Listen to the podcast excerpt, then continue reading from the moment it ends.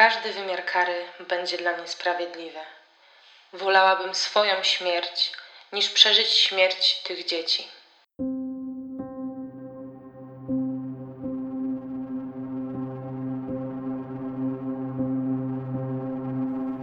Cześć, witam wszystkich stałych bywalców mojego podcastu oraz osoby, które niedawno dołączyły do grona obserwujących. Niesamowite jest to, że kiedy się tego kompletnie nie spodziewałam, nagle przybyło tu tyle osób. Dziękuję Wam za te 4000 subskrypcji, naprawdę jestem przeszczęśliwa. Jak już wiecie, jestem na małych wakacjach i powiem Wam, że u mnie sporo się dzieje. Mój urlop wiąże się też e, z pewnym materiałem, który aktualnie gromadzę. Materiał wiąże się stricte z moją rodzinną miejscowością. Sama jestem ciekawa efektów tej pracy, ale no, przyznam szczerze, że to wymaga, wymaga trochę czasu. Dlatego nie wiem, kiedy pojawi się odcinek związany właśnie z, z moją rodzinną miejscowością.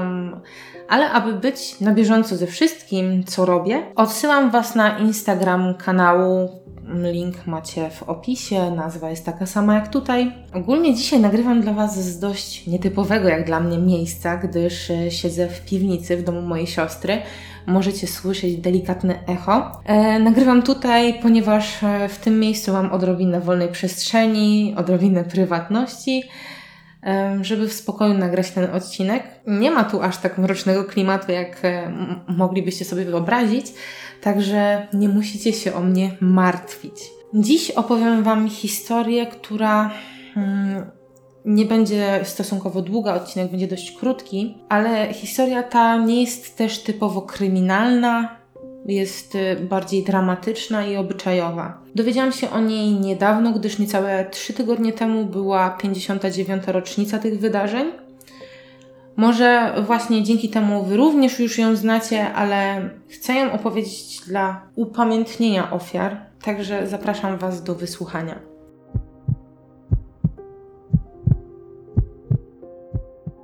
Wakacje od zawsze kojarzą się z czymś przyjemnym szczególnie kiedy jest się dzieckiem.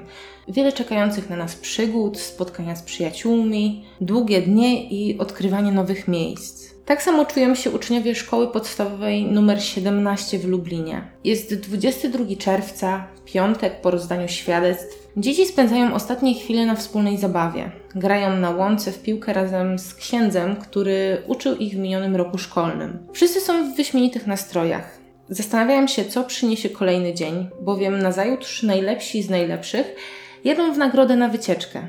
W zależności od źródeł, albo blisko 30 piątoklasistów, albo i więcej, około 50. 23 czerwca jedzie wraz z trzema nauczycielkami do Kazimierza Dolnego. Są to dwie panie po studium nauczycielskim, Kazimiera oraz Anna, wraz z nauczycielką wychowania fizycznego Jadwigą.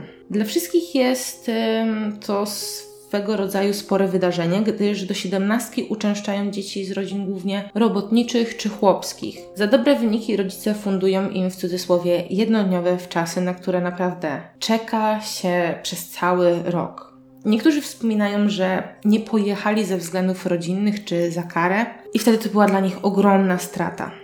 W Kazimierzu Dolnym mają zapewniony szereg atrakcji. Są to elementy edukacyjne, ale również rozrywkowe. Wycieczkowicze spacerują po kazimierskim rynku, zwiedzają ruiny zamku z XIII i XIV wieku, poznając historię tego miejsca. Wspinają się też na basztę czy Górę Trzech Krzyży. W planach jest również odwiedzenie Spichlerza i wyczekiwana przez wszystkich kąpiel w Wiśle. Wyczekiwana z tego względu, że to tam rozpoczyna się tak naprawdę zabawa po całym dniu zwiedzania. Dzieci bawią się w berka pod okiem jednej z nauczycielek, Jadwigi. Wody jest tam po kolana, czyli stosunkowo niewiele. Zabawa trwa około 15 minut, a od brzegu dzieli ich 120 metrów. Później grupa kieruje się w stronę wysepek w okolice kamieniołomów. To popularne miejsce, gdzie na kąpielisko przybywa zazwyczaj wiele osób, ale jest też niestety bardzo zdradliwe, gdyż podłoże często nie jest stałe i pod ciężarem zaczyna się osuwać. Z dziećmi w wodzie w dalszym ciągu jest tylko jedna opiekunka. Dokładny opis wydarzeń z relacji różnych świadków jest dość chaotyczny. Wszystko dzieje się bardzo szybko. Nagle w wodzie rozlega się pisk, a jedna z uczennic zaczyna się topić. Reakcja nauczycielki jest natychmiastowa, gdyż rusza dziewczynce na pomoc i szczęśliwie wyciąga ją. Niestety w wodzie uczniów jest dużo więcej i sytuacja się powtarza.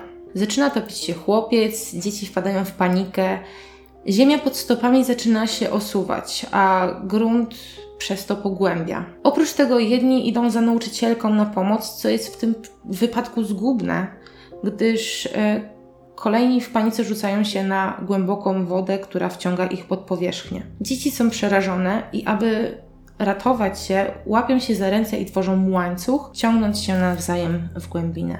Z brzegu widać jedynie ręce topiących się dzieci, które walczą o życie. Nauczycielka w panice próbuje ratować jeszcze chłopca, który najdłużej utrzymuje się na powierzchni. Niektóre dzieci są bliżej brzegu i po latach wspominają, jak im również piasek osuwał się pod stopami, ale dotarły szczęśliwie na ląd. W okolicy miejsca tragedii płynie statek, jednak nie pomaga on topiącym się. Nie jest wiadome do końca dlaczego, albo nie widzi tego, co się dzieje, albo nie może pomóc ze względów bezpieczeństwa, bojąc się jeszcze większej tragedii. W okolicy nie ma ratowników. Nikt nie posiada motorówki czy łodzi, aby uskutecznić akcję ratowniczą. Mężczyźni, którzy znajdują się w okolicach kamieniołomów, jako pierwsi ruszają do wody. Jest już jednak za późno. Wyławiają jedynie ciała i to też nie wszystkie. Te lądują w kościele świętej Anny, gdzie układane są obok siebie na posadzce. Pomagają cywile, a na miejsce wypadku przyjeżdża szybko milicja obywatelska. Wszystkie ocalałe dzieci idą do autokaru, gdzie zajmują swoje miejsca. Są kolejno liczone, wyczytywane są nazwiska. Niestety nie na każde słychać reakcję jestem czy obecny. W całym zamieszaniu nie można doliczyć się konkretnej ilości osób. Niektóre z dzieci orientują się, że brakuje na siedzeniu obok ich towarzysza.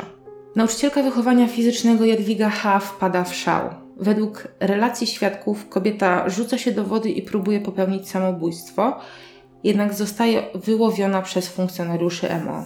Zanim przejdziemy dalej, wymienię Wam imiona dzieci, które w tragedii straciły swoje życie. Wszystkie miały 12 lat i było ich e, 13. Byli to Zbyszek, Ela, Czesio, Adam, Małgosia, Basia, Maria, Ela, Ewa, Basia, Lechosław, Waldek i Mirosława. Komunikat o tragedii szybko dociera do mieszkańców Lublina, głównie za sprawą radia. Rodzice dzieci, które pojechały na wycieczkę, wpadają w panikę. Zaczynają rzucać wszelkie czynności, pracę, próbują dostać się na miejsce czym prędzej. Nigdzie nie podano informacji o tym, ile dzieci się utopiło i kim one były. Do szkoły w Lublinie dociera telegram o treści: 13 dzieci z państwa szkoły utonęło. Niektórzy biorą taksówki, inni proszą znajomych o podwózkę. Miejscowy ksiądz wiezie swoim prywatnym samochodem część rodziców na miejsce. Autokar z ocalałymi dziećmi dojeżdża na rynek w Kazimierzu. Te nie mogą opuszczać wozu. Na miejsce co chwilę przyjeżdżają zrozpaczeni rodzice, wszyscy płaczą. Niektórym udaje się przedrzeć do autokaru i jedna z matek szuka swojego dziecka, które, jak za chwilę się dowie, utonęło w Wiśle. Jeden z mężczyzn siedzi zapłakany z dzieckiem. Drugie tego dnia straciło życie.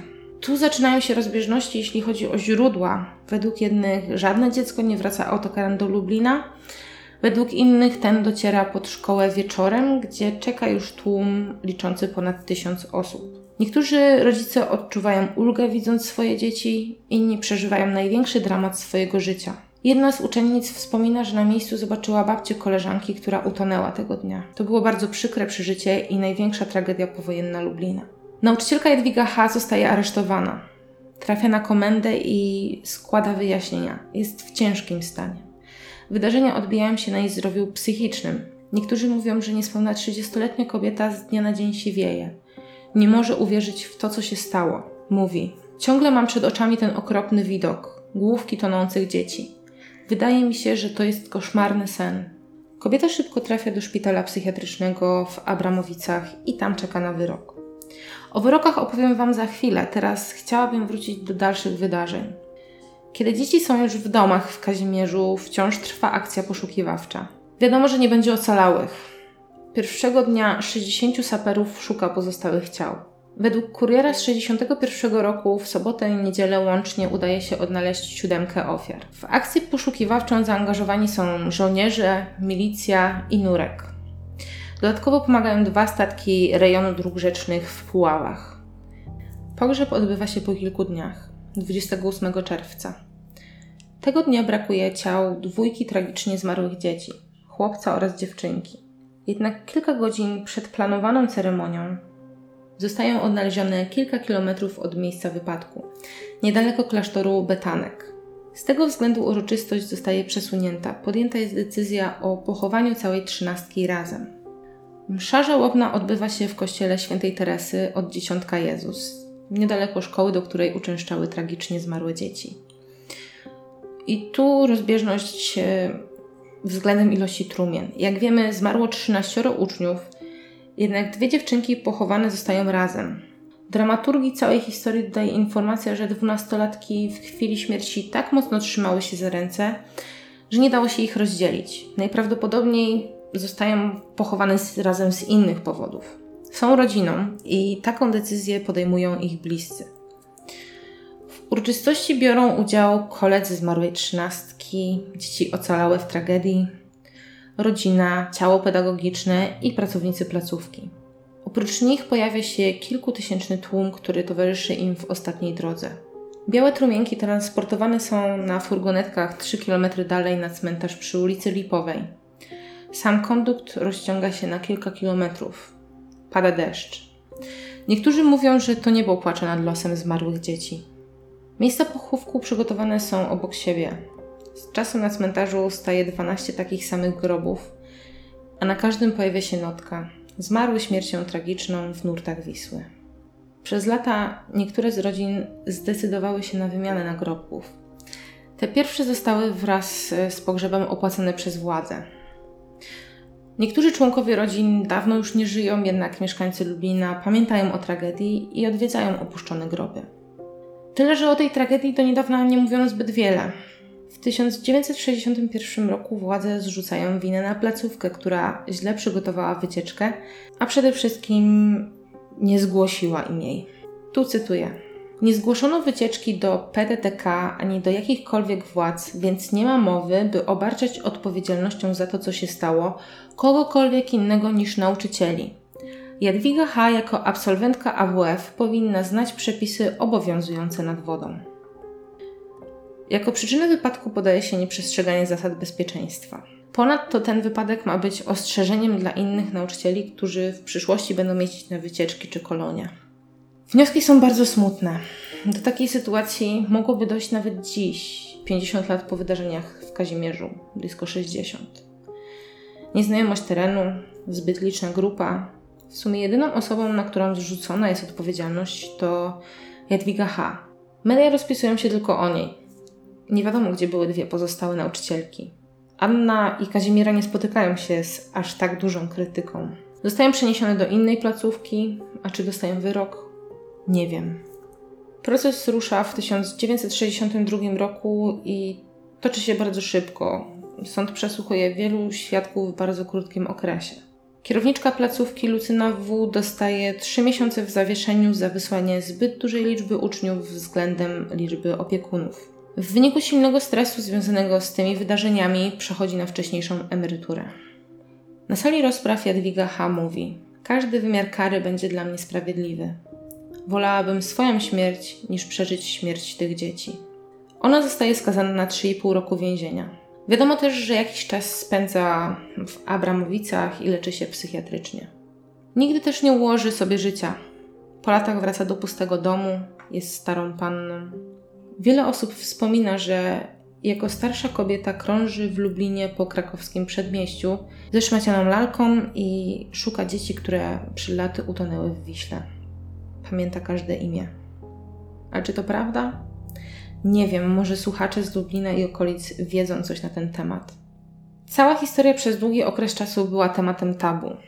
Dopiero w 2016 roku, podczas uroczystości zakończenia roku szkolnego, szkoła odsłania tablicę pamiątkową dla ofiar wydarzeń z czerwca 61.